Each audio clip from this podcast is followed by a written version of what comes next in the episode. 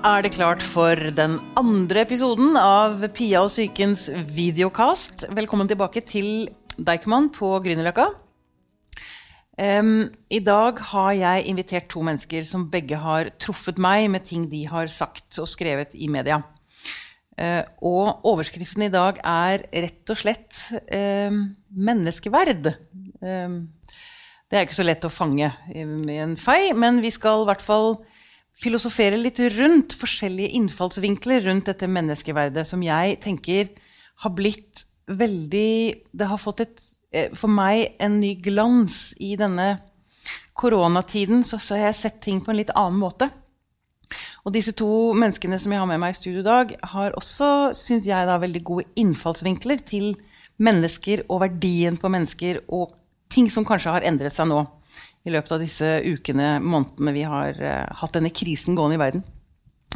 Først, velkommen til deg, Ståle Wiig, Takk skal du ha. sosialantropolog og forfatter. Og velkommen til deg, Karine Nordstrand. Takk. Du er lege, president i Leger uten grenser og direktør for global helse hos Folkehelseinstituttet. Det stemmer. Du har litt å henge fingrene i om dagen, Ja skal jeg tro. Ja. Ja. Vi skal ikke snakke så mye om jobben din i Folkehelseinstituttet. Det er først og fremst Leger uten grenser jeg tenker, eller jeg har lyst til å høre om den jobben dere gjør, og hva dere ser i den verden dere opererer i. Men jeg har lyst til å begynne hos Ståle. Du hadde en veldig bra kronikk i Morgenbladet for en stund siden, et par uker siden, som het eh, Hva het den for noe igjen? Hulaplaus. Kan ikke du fortelle hvorfor du skrev den? Hva var det som satte i gang den? Jo, det var en veldig enkel eh, observasjon, egentlig. At eh, nå nesten hvor som helst eh, i verden så, så kan du stå opp om morgenen og så kikke ut av vinduet og ser en viss type folk, en viss type arbeidere, som, som drar på jobb. Og så er det andre som må bli hjemme for å ikke bidra til å spre koronaviruset. Og de som drar på jobb, er eh, de som myndigheter karakteriserer som essensielle eller vitale arbeidere. Og da snakker vi om helsearbeidere. Ja, det er det opplagte. ikke sant? Helsearbeidere Men- og leger, men, men også alle mulige folk som eh, alltid, egentlig, ikke bare nå, men alltid har holdt samfunnet i gang. Da. Altså, eh, alle som jobber med omsorg, eh, eh, transport, folk som kjører eh, busser, folk som tømmer søppel. eh, eh, folk som eh, gjør de jobbene som ofte blir, eh, ikke, ikke blir anerkjent og ikke blir sett. Mm. Jeg var faktisk akkurat eh, For noen eh, minutter siden så var jeg på Haraldrud eh, avfallsdeponi. Og Der jobber det en hel haug med folk. Og jeg tenkte hvis disse folkene slutter å jobbe i én dag, eller, eller kanskje to, Ja. så, så, så ser Oslo ut som et sånt sånn postapokalyptisk eh, En sånn dystopi av søppel som bare eh, flommer over. Og så, så tenkte jeg at eh, det er noe rart hvis vi ser da et mønster i disse yrkene som vi nå oppdager at er så nødvendig for oss. Eh, når vi ser at de, eh, med noen unntak, eh, er både lavt lønna, eh, men også har lav anseelse. De har ofte lav status. Har, Langt nede på hierarkiet, liksom. Jeg- ja, mm. det er det usynlige liksom, verdihierarkiet da, som vi har i samfunnet vårt. Uh, har venner som, som er uh, sykepleiere, f.eks. Og så noen ganger så går vi på de samme festene. Så har jeg hørt en venninne av meg som, sier, som snakker da med en sånn slags en eller annen konsulent eller en uh, kommunikasjonsrådgiver eller noe sånt. Sånne folk som nå sitter hjemme og, og blir uh, reddet av uh, sykepleiere. Så sier hun Oi, og hva driver du med? ikke sant? Det er sånn man snakker om på fest. Ja, ja. Så sier hun jeg, jeg, jeg er bare sykepleier. jeg». Hun eller- sier selv at hun ja. bare er sykepleier. og det, det er en slags sånn uh, implisitt hierarki i en sånn samtale som provoserer meg veldig. da. Ja, uh. Og det, og det, det koronakrisen har gjort, er at det viser liksom hvor groteskt det er at det er sånn. da. At de viktigste yrkene, de som vi faktisk uh, ikke kan klare oss uten uh, Og som ikke får så mye oppmerksomhet, egentlig. Som de har lav status sånt og, og lav lønn. Eller i hvert fall lavere lønn da, enn enn mange av disse yrkene som, som uh, hedgefund-managere og konsulenter og reklamefolk og um, Podkastverter og antropologer, for den saks skyld. Det, er, uh, det er uh, så, så jeg prøvde å på en måte ta et oppgjør med det da, og si at uh, nå er tiden hvor, hvor, det er en del baller som har kommet i spill, og hvor vi, hvor vi på en måte ser uh, noen av de tingene som er tatt for gitt tidligere. Mm. Ser at det, det, er litt rart at det er sånn. Uh, og kan vi ikke kanskje uh, vurdere eller tenke om andre måter å organisere samfunnet på og, og adressere noen av de ja. skjevhetene som ja. blir så tydelige? Ja. Men stemmer det? Det bare slår meg nå. Jeg vil vel håpe at noe av dette enorme utesende byråkratiet vi har, nå blir barbert litt? Altså alle disse konsulentene som blir brukt i stat og kommune de har vel nå mista falt en del, Det har falt bort en del der? Eller du vet kanskje ja, ikke så mye om ja, det? Men jeg, jo, men jeg, jeg, tror ikke, jeg skal aldri undervurdere eh, på en måte det moderne, moderne økonomiens evne til å, til å, produsere nye byråkrater. Altså. Nei, du eh, tenker det at det... Uh, men, uh, men, det kan jo hende at, uh, at vi i, inn, går inn i en tid hvor, hvor vi kommer til å organisere økonomien litt annerledes. Jo, at vi ser faktisk verdien av folk. Altså hva Og altså, at de du snakker om, den, de, de, gruppene der, da, at, at, de får altså Nå om dagen så blir jo de løftet veldig opp. De får applaus, ikke ja. sant? Du mener at den er hul fordi det er ikke egentlig Vi får, vi får håpe at det blir underbygget, liksom. At det kommer Statusen øker, pengene kommer. At ja, det blir og, mer utjevnet. Ja, og altså det en, ting, så, en, en, av grunnene til at den applausen er hul, er, er, det, det, tenker jeg når jeg ser f.eks. Boris Johnson, da, uh, som er statsminister i, i England, uh, som er, står utenfor Downing Street og klapper for, uh, for liksom, de arbeidsfolk. Da. Ja, det akkurat han gjør det, blir ekstra hult, kanskje. Og Hvis du tilba spoler tilbake tapen i et par år, så, så hadde konservative partier i England stemt ned et forslag om lønnsøkning i Underhuset i, ja, i, i, mm. i, England. Så uh, det var en annen type applaus, da, mm. uh, som jeg syns blir veldig paradoksal og grotesk, egentlig. Mm. Uh, men um, det er klart at det er mye som er usikkert, og lenger vi, jo lenger vi går i denne unntakstilstanden, jo, jo, større sjanse er det for at ting kommer til å endre seg kulturelt og samfunnsmessig. Ikke sant. Ok. Um, um, Karine. Leger uten grenser, dere jobber jo over store deler av verden. Med kriser og uh, altså epidemier, uh, um, naturkatastrofer, flyktningeleire. Um, jeg bare tenker på dette med identitet, altså hierarkiet. Veldig mange av de dere jobber med, er vel kanskje noen av de laveste sånn hierark på hierarkiet, altså hva vi bryr oss om. Altså, det, er, det, er, så mange av deres grupperinger som bare mm. forsvinner helt. Og i hvert fall nå fra nyhetsbildet nå. Så er det, Vi har jo ikke plass til dem, for nå skal vi bare snakke om at nå er det to nye døde i Norge. Liksom, mm. For å være veldig brutal. Men mm. det, altså um, det, det, er nesten en jobb å være flyktning. Det er også en identitet som man bærer med seg, som man nesten ikke kommer unna. liksom.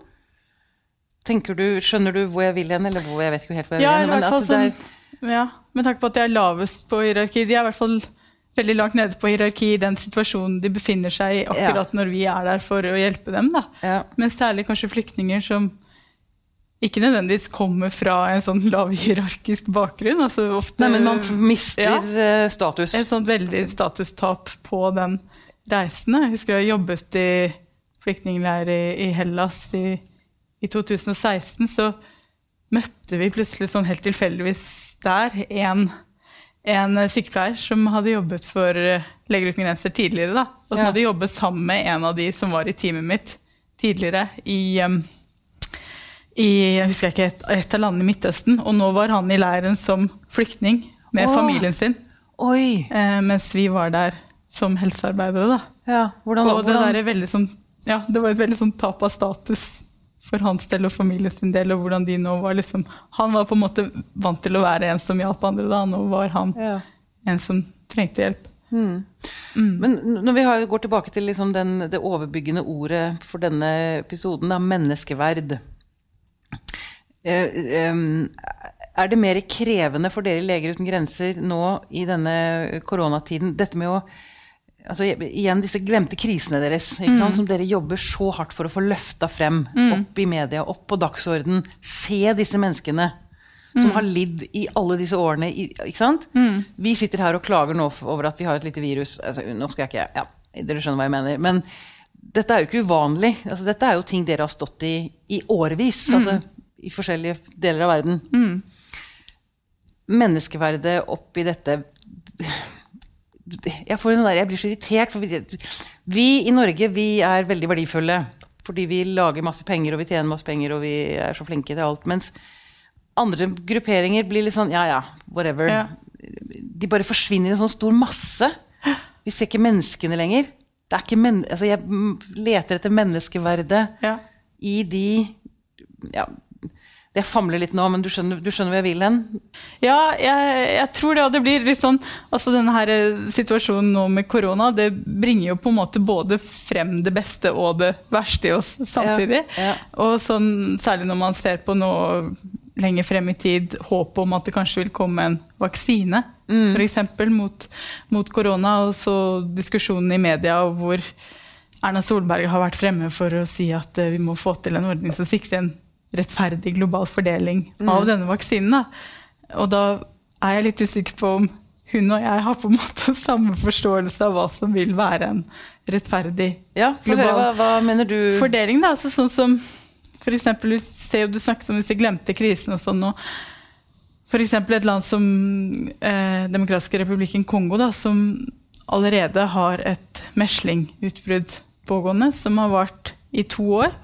Og rammet over 600 000 mennesker, og flere tusen barn er døde. Eh, og de har en ebolaepidemi gående, altså to store epidemier, eh, som begge har tatt tusener av liv, og nå potensielt får en koronaepidemi oppå det hele, og har veldig svake helsesystemer, veldig dårlig tilgang til helsehjelp for befolkningen, og beste måten å beskytte dem på er jo vaksine, og hvem er det da som trenger det mest? I mitt hode er jo det mennesker som ikke har mulighet til å beskytte seg, og ikke mulighet til å få hjelp hvis de skulle bli syke. Det er der Så vaksinen er- trengs mest, ja. Ja, så hva er på en måte rettferdig fordeling? ja. oppi dette? Er et interessant spørsmål. da, Sånn som, så som sant, de, det humanitære imperativ da, på en måte om at du skal hjelpe mennesker Mm. hvis du kan det. Redde liv der du kan det. Eh, og at alle liv er like mye verdt. Det, det Det er er jo det, vi jobber ut ifra, men Ja, det er ikke sånn i er praksis. sånn, og det, her, nå er vi kanskje inne i det jeg var ute etter. Er, alle mennesker er ikke like mye verdt. Altså, det, er- vi tenker jo ikke sånn, verken i jobb altså, Det er jo akkurat det samme du sier i din kronikk. At en, en som tømmer søppel, er jo per definisjon, skal vi måle ut fra lønn, ikke like mye verdt som en som sitter på Aker Brygge og forvalter pengesekken til en eller annen riking. Ja, og- ikke sant? Det ja. genererer ikke like mye skattekroner. Så jeg vet ikke.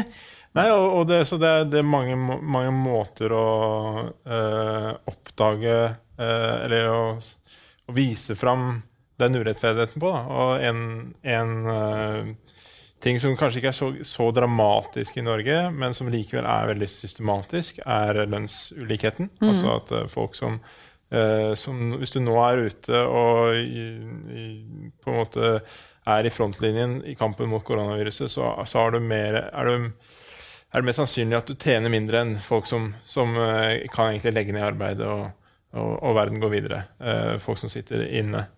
Men eh, så er det andre ting altså I Norge så har vi tross alt en lønn å leve av. Eh, også inntil et sånn arbeiderørkenland som USA, hvor folk har to-tre jobber og sover i bilen. Mm.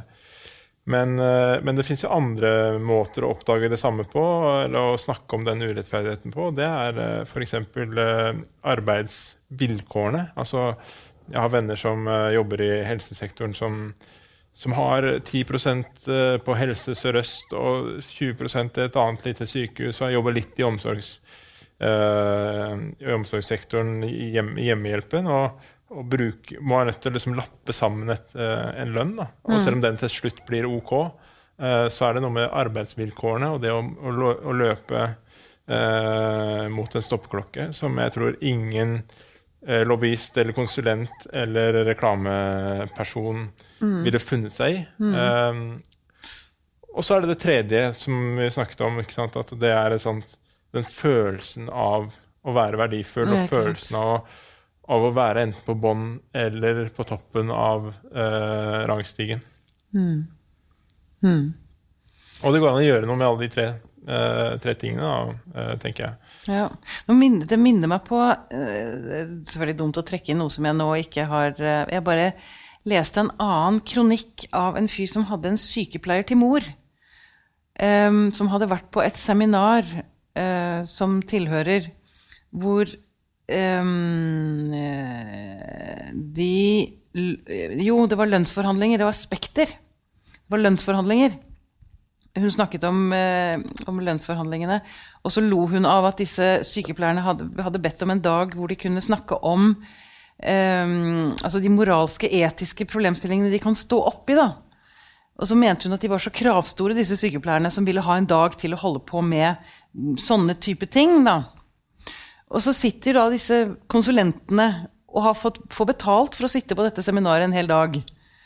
Eh, altså det, det ble så ja, eh, Jeg vet ikke om dere husker dere Har dere lest Nei. den? Nei, nei, da blir det dumt å Men jeg kan godt sette meg inn i det. altså det, det jeg kan se hvor absurd det er. da. Eh, Ja. Det, det går inn i egentlig noe av det samme. Sant? At, eh, eh, det er eh, en viss type folk som, som har veldig eh, som har forventninger til seg eh, om at de egentlig skal løpe hele arbeidstiden sin. Og, eh, og de skal eh, på en måte ikke har egentlig ikke noe så mye de skal komme med. Ikke så mange krav, ikke så, mange, eh, ikke så mye de skal be om før de eh, blir eh, satt litt på plass.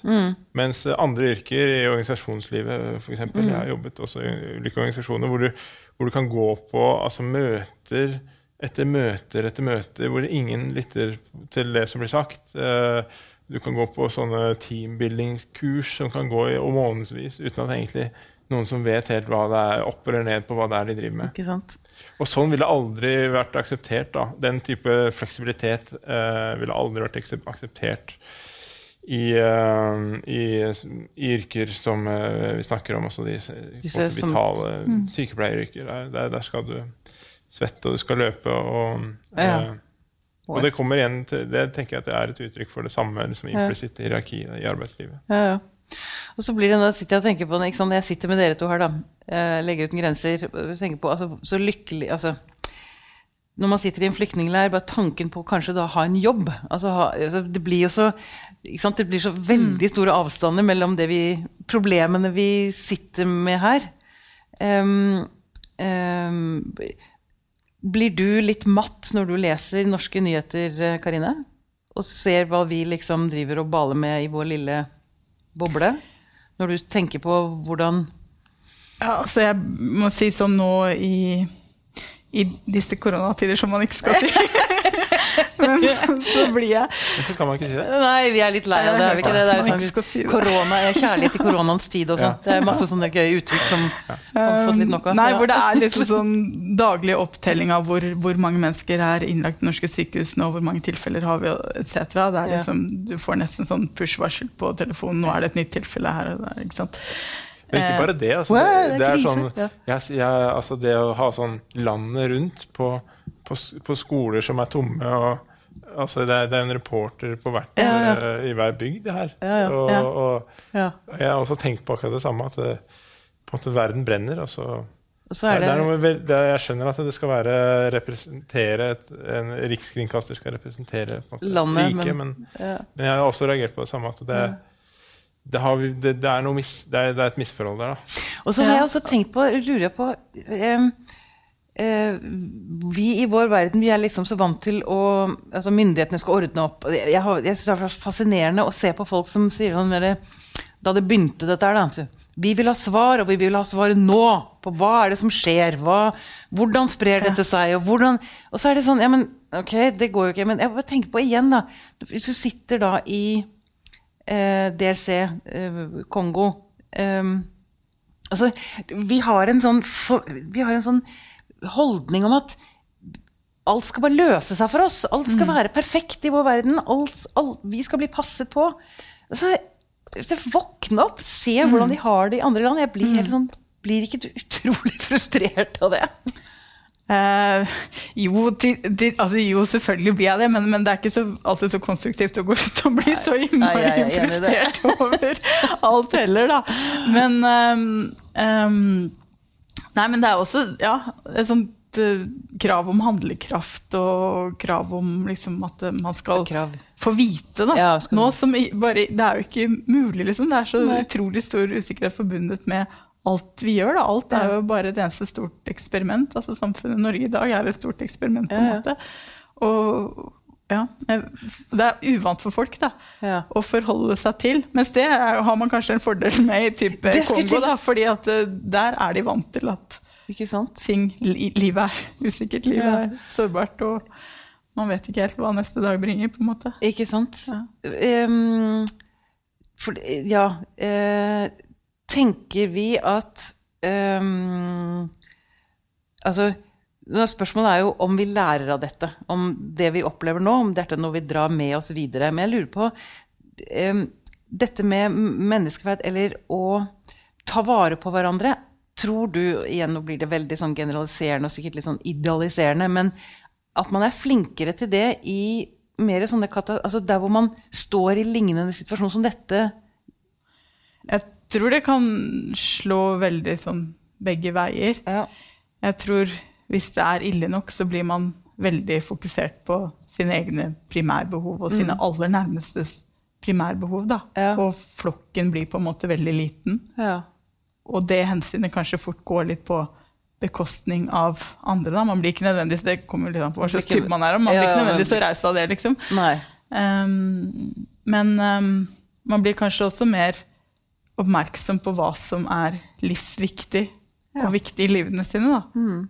Og kanskje sette mer pris på hvis det er man har oppfylt det, på en måte. Mm.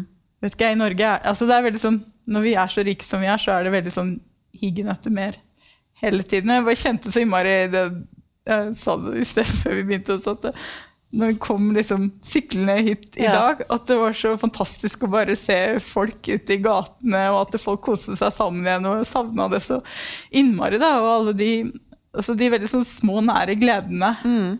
ved bare å se andre folk. Og jeg fikk til og med ja, på lørdag, jeg skal nesten ikke si det, men jeg fikk en klem av en venninne. Liksom. det var bare så helt fantastisk. Ja, ja. Og alt det der, da, å bare bli litt mer oppmerksomme hvor viktig, på hvor viktig det er for oss. Mm. Og for vårt velvære, og ikke det nødvendigvis er liksom alt det materielle. Altså, jeg tror veldig mange har hatt eh, sånn, eller kjøpstopp, da, naturlig kjøpstopp den siste måneden, og klart seg ganske greit med det. Ikke sant? Eh, og bli litt mer oppmerksom på den nære at eh, kanskje det er vel så viktig som Ja. å hele tiden hige etter noe større og bedre. Og Ja, ja. alt det. Nettopp. En av de tingene som denne krisa har vist fram igjen eh, i, i- stort sett, altså I England for eksempel, så har de plassert alle de hjemløse på gratis på hotell. Mm. Eh, Ja, ikke sant. Og hvis, før krisa så, så, var det, så var det en helt umulig tanke. ikke sant? Mm. Uh, og så, noe som kanskje en eller to sånne radikale uh, aktivistgrupper for hjemløse kunne snakke om og sånn. Men, men plutselig så har det Fordi man eh, så at uh, det var et smitteforebyggende tiltak, da. eh, så var det enkelt å gjøre. Eh, og, Ja, men fordi det er smitteforebyggende, det er derfor det skjer. Vi skal passe på oss. men, jeg- men jeg tenker at man skal benytte Man skal ikke bare se det, det ekstraordinære da, i sånne tiltak, men også benytte anledningen til å si som sivilsamfunn og som uh, folk som er opptatt av å, å, å lage en bedre verden, at uh, se her, det var faktisk mulig. Det, det var, det var, Alle de som sa at ikke det var mulig, her, gjorde, her skjedde det på, med et pennestrøk. Eh, I gårsdagens verden så snakket vi om disse menneskene som kriminelle, mistenksomme folk. Uh, I dag så plasserer vi dem alle på gratis på hotell. Uh, og, det, og, sånn, og sånn, den type tiltak, sånn ekstraordinære tiltak, finner man eh, mange eksempler på. Da. Og tenker jeg at eh, det er opp til de som ønsker å eh, ønsker at, verden skal, at vi skal trekke noe godt ut av krisa. Eh, det er opp til dem og oss å, å, å bruke sånne eksempler til å uh, si dette her er mulig. Her er det faktisk mulig å gjøre noe. Ja. Det er jo litt sånn eh, parallell også innenfor medisinen. ikke sant? I Leger uten grenser så er vi veldig opptatt av dette med tilgang til legemidler, og kritiserer til stadighet den farmasøytiske industrien for å sette profitt fremfor liv. ikke sant? Men vi ser jo nå f.eks. nå når det er en felles global jakt på en koronavaksine, også da diskusjon om hvordan man kan få til en rettferdig fordeling av den. da, fordi at det vil til syvende og sist vil jo være i alle staters interesse å få slått ned dette utbruddet, fordi det representerer en global helsesikkerhetstrussel. Da. Eh, men samtidig så har vi jo, vi har jo medisiner mot veldig mange sykdommer, sånn som f.eks. tuberkulose, multiresistent tuberkulose, eh, hiv, som, eh, altså hiv som på en måte ikke svarer på de standard behandlingsregimene, men trenger mer avansert behandling. Alle disse medikamentene fins jo, hepatitt C f.eks. også, eh, men er dyre og derfor utilgjengelig for veldig mange av de som trenger de mest. Da, da står det jo bare, det er den politiske viljen det står på der Ja. også. ikke sant? Hvordan de sykdommene da ofte rammer de fattigste av de fattige, og hvordan verden ikke ser det som noen prioritet å sørge for at også de får en behandling. da. Nei, men Da er vi Um, tilbake til menneskeverdet. For ja. Av en eller annen grunn så tenker vi at nei, de er ikke like mye verdt som en nordmann. Nei. Eller han der nede er ikke like mye verdt som han her. Hva er det for noe? Nå er vi dypt nede her. Hva? Kan ikke dere svare meg på det? Hvordan, hva, hva, hvorfor Hva er det hva, Er det fordi det er så mange Eller at ja, man er seg selv nærmest, og vi har penger, og vi skal beskytte oss, og Men ja, vi har makt Vi har jo muligheten til å hjelpe. Ja, du er jo veldig, du er inne på et, sånn, et veldig klassisk filosofisk spørsmål. Da. Ja, det er, er. Så gøy. eh, sånn type sånn utilitarister sånn som han Peter Singer, eh, som, eh, som har det klassiske tankeeksperimentet med at eh, hvis eh, du går forbi en eh, Siden dette er en sånn slags filosofipodkast, Ja, vi syke, ja. Mm, svinge filosofi syke, ja, ja. Eh, så, så, så kan vi se for oss at vi går forbi en, en, en ganske dyp dam eh, hvor du ser et barn som drukner. Eh, og så, kan du, så er det ulike vari- varianter av dette eksperimentet da, hvor du på en måte du har kanskje tatt på deg en fin dress. Uh, og du vet at den dressen kommer du til å mis eh, bli ødelagt uh, Hvis du redder barnet. du redder barnet. Men, men de fleste vil være enige om at det, det ville um, uh, Vært vært moralsk på en måte forkastelig å ikke uh, redde dette barnet. Eh, så hvilke, hvor, hvor stor forskjell er det egentlig på det scenarioet? Eh, og det at noen dør eh, som du kunne reddet i et sted hvor du ikke befinner deg, eller mm. noen du ikke kjenner. Sant? Mm, ja.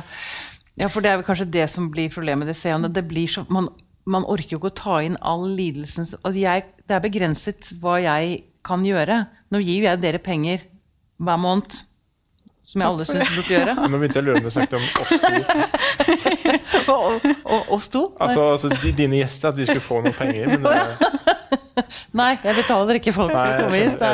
Men over. grenser betaler jeg hver, hver måned. Det kan, det kan man gjøre, selvfølgelig. Men utover det så er det jo Man føler seg Det er denne maktesløsheten som jeg som privatperson kan kjenne på. Men det er jo det politiske, da. Ikke sant? Men det er igjen dette Hvem skal ta ansvaret for dette? Altså Man behøver jo ikke, jeg synes ikke man kan kreve av hvert enkelt menneske at det skal prøve å ta de andres lidelse innover seg. Nei, liksom. Men det er da det, det, apropos det vil redde det barnet, godt, da. Men, ja. Ikke sant?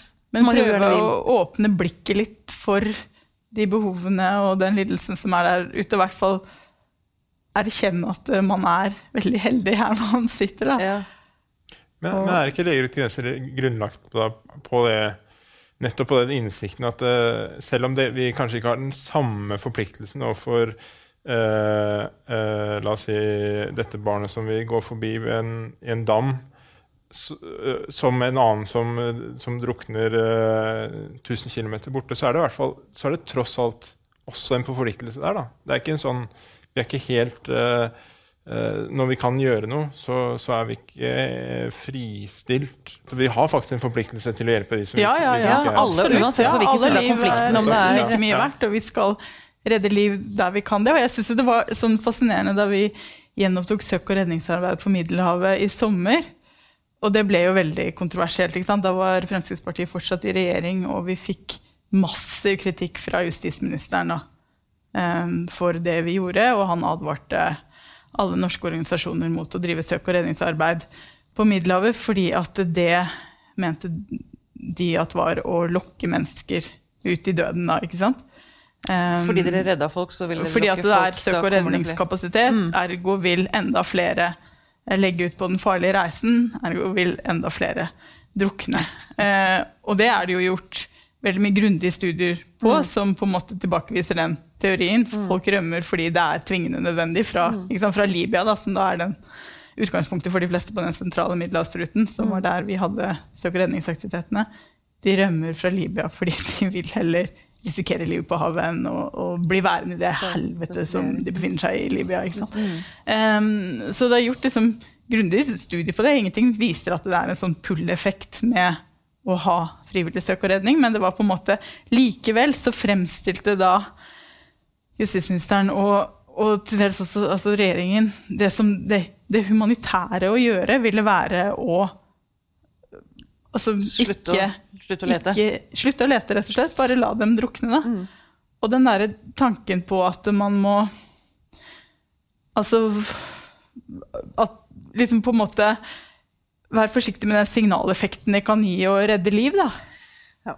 Eh, og, og statuere eksempler på den måten, da når, altså, Hvis du skal tenke litt sånn konsekvensetisk, da, som jeg tror du var inne på litt her i sted, så tenker jeg ok, hvis, nå, hvis det nå skulle være sånn at et søk- og redningsarbeid fører til at flere risikerer den, den reisen, og derfor vil det være tenker man at det er riktig å slutte, med, slutte å redde folk som er i ferd med å drukne.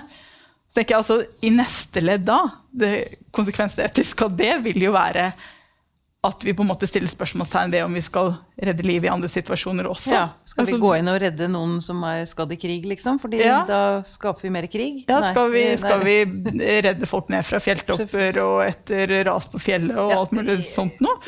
Eller på badestranden, folk som, foreldre som ikke passer på ungene sine. Er det, ikke, er det ikke bedre at de bare lærer seg en lekse, på en måte? Og så, Mm. Da, da tenker jeg da vi ganske, begynner å bli ganske langt ute å kjøre. Da. Det er en eh, Ja, det er, det er, det er Så ja, veldig eh, i, i Legeforeningen tenker vi at vi redder liv der vi kan gjøre det. Og så Ja. er vi ikke så opptatt av den eventuelle signaleffekten Nei. det har, da. Sant. Um, nå mot slutten så har jeg bare lyst til å høre litt med dere hva, hvordan Eller tror dere at denne, denne epidemien, pandemien, kan gjøre verden bedre på sikt? Og hvordan, hva bør vi da gjøre for å forvalte den kunnskapen, innsikten, vi nå har fått?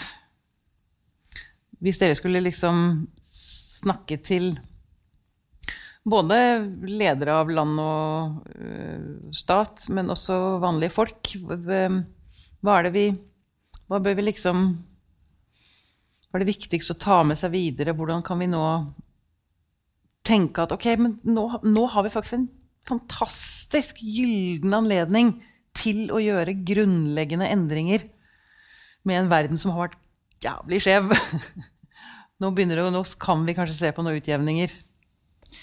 Skal vi først og fremst konsentrere oss om Norge? Ja, nei, vi tar verden. Vi sånn- gjør- lager fred altså, I verden så tror jeg dette her vil tippe i veldig forskjellige retninger. Da. Ja. Altså, jeg tror ikke, Med mindre man greier virkelig å sørge for en, en måte, veldig progresjon i å bygge mer solide helsesystemer og få, sørge for universell helsedekning i Afrika og Latin-Amerika og altså, altså land som er, har, er svakere stilt enn oss. da. Mm.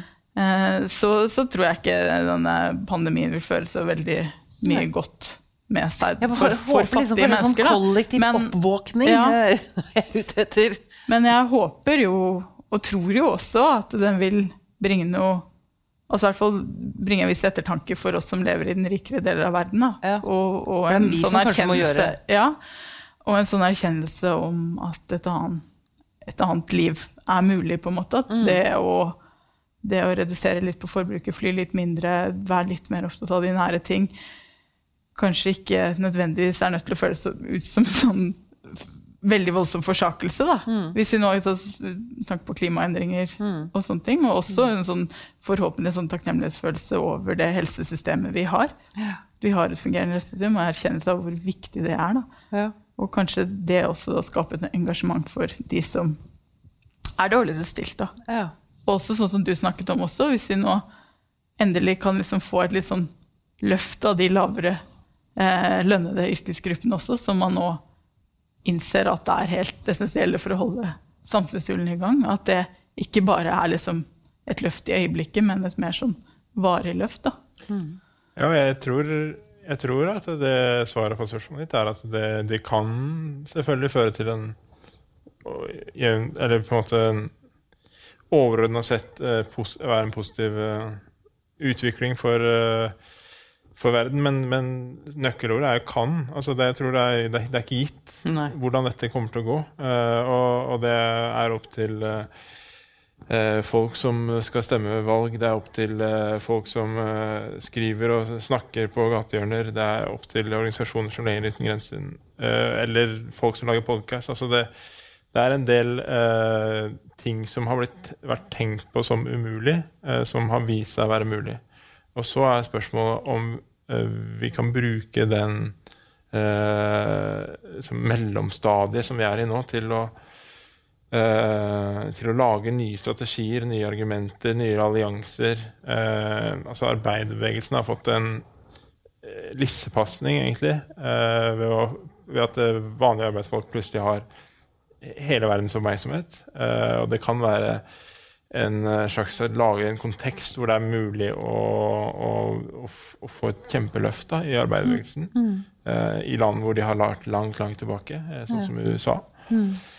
Uh, det kan tenkes at vi uh, får en evnen til å altså vi, å, å trekke parallellen da, med klimakatastrofen som kommer. eh, hvor vi nå har vi på en måte forstått at vi har en, vi har en forpliktelse som, som samfunn til, til noen som, som kanskje blir rammet av noe som skal skje om en måned, uh, men som ikke er akkurat nå.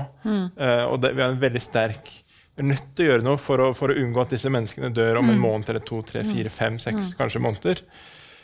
Men uh, kunsten eller håndverket nå politisk blir jo å trekke den innsikten litt lenger. Da. Eh, fordi vi har jo en forpliktelse også overfor de menneskene som kommer til å eh, leve veldig vanskelige eh, liv pga. klimakrisa. Eh, og det skjer om, ikke om seks måneder, men om kanskje 10-20-30-40 år. Eh, så alle, på alle disse områdene så, så, det, så åpner det seg i hvert fall noen muligheter da, eh, som, som ikk- hvor ting kan gå i den eller andre retningen, men hvor det er, eh, tenker jeg, grunn for politiske og sosiale bevegelser, organisasjoner og enkeltpersoner til å bli motivert og være med og eh, forme den framtida. Very good. Jeg tror vi har det i oss, jeg. Til å endre verden radikalt. Vi har, vi, det må vi være enige om. Vi har Ja, det håp. tror jeg òg, ja. Vi mennesker, fy fader hva vi får til når vi først eh, setter, bestemmer oss for det. Sant? Mm. Ja. Fantastisk. Tusen takk for at dere kom, Stålevig og Karine Nordstrand. Bare hyggelig.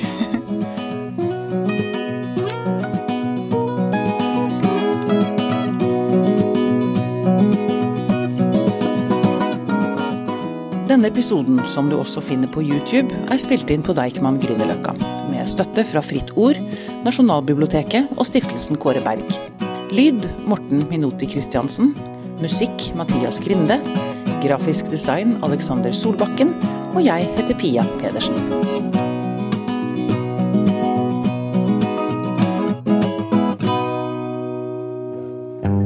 Denne Podkasten er produsert av Tid og Lyst.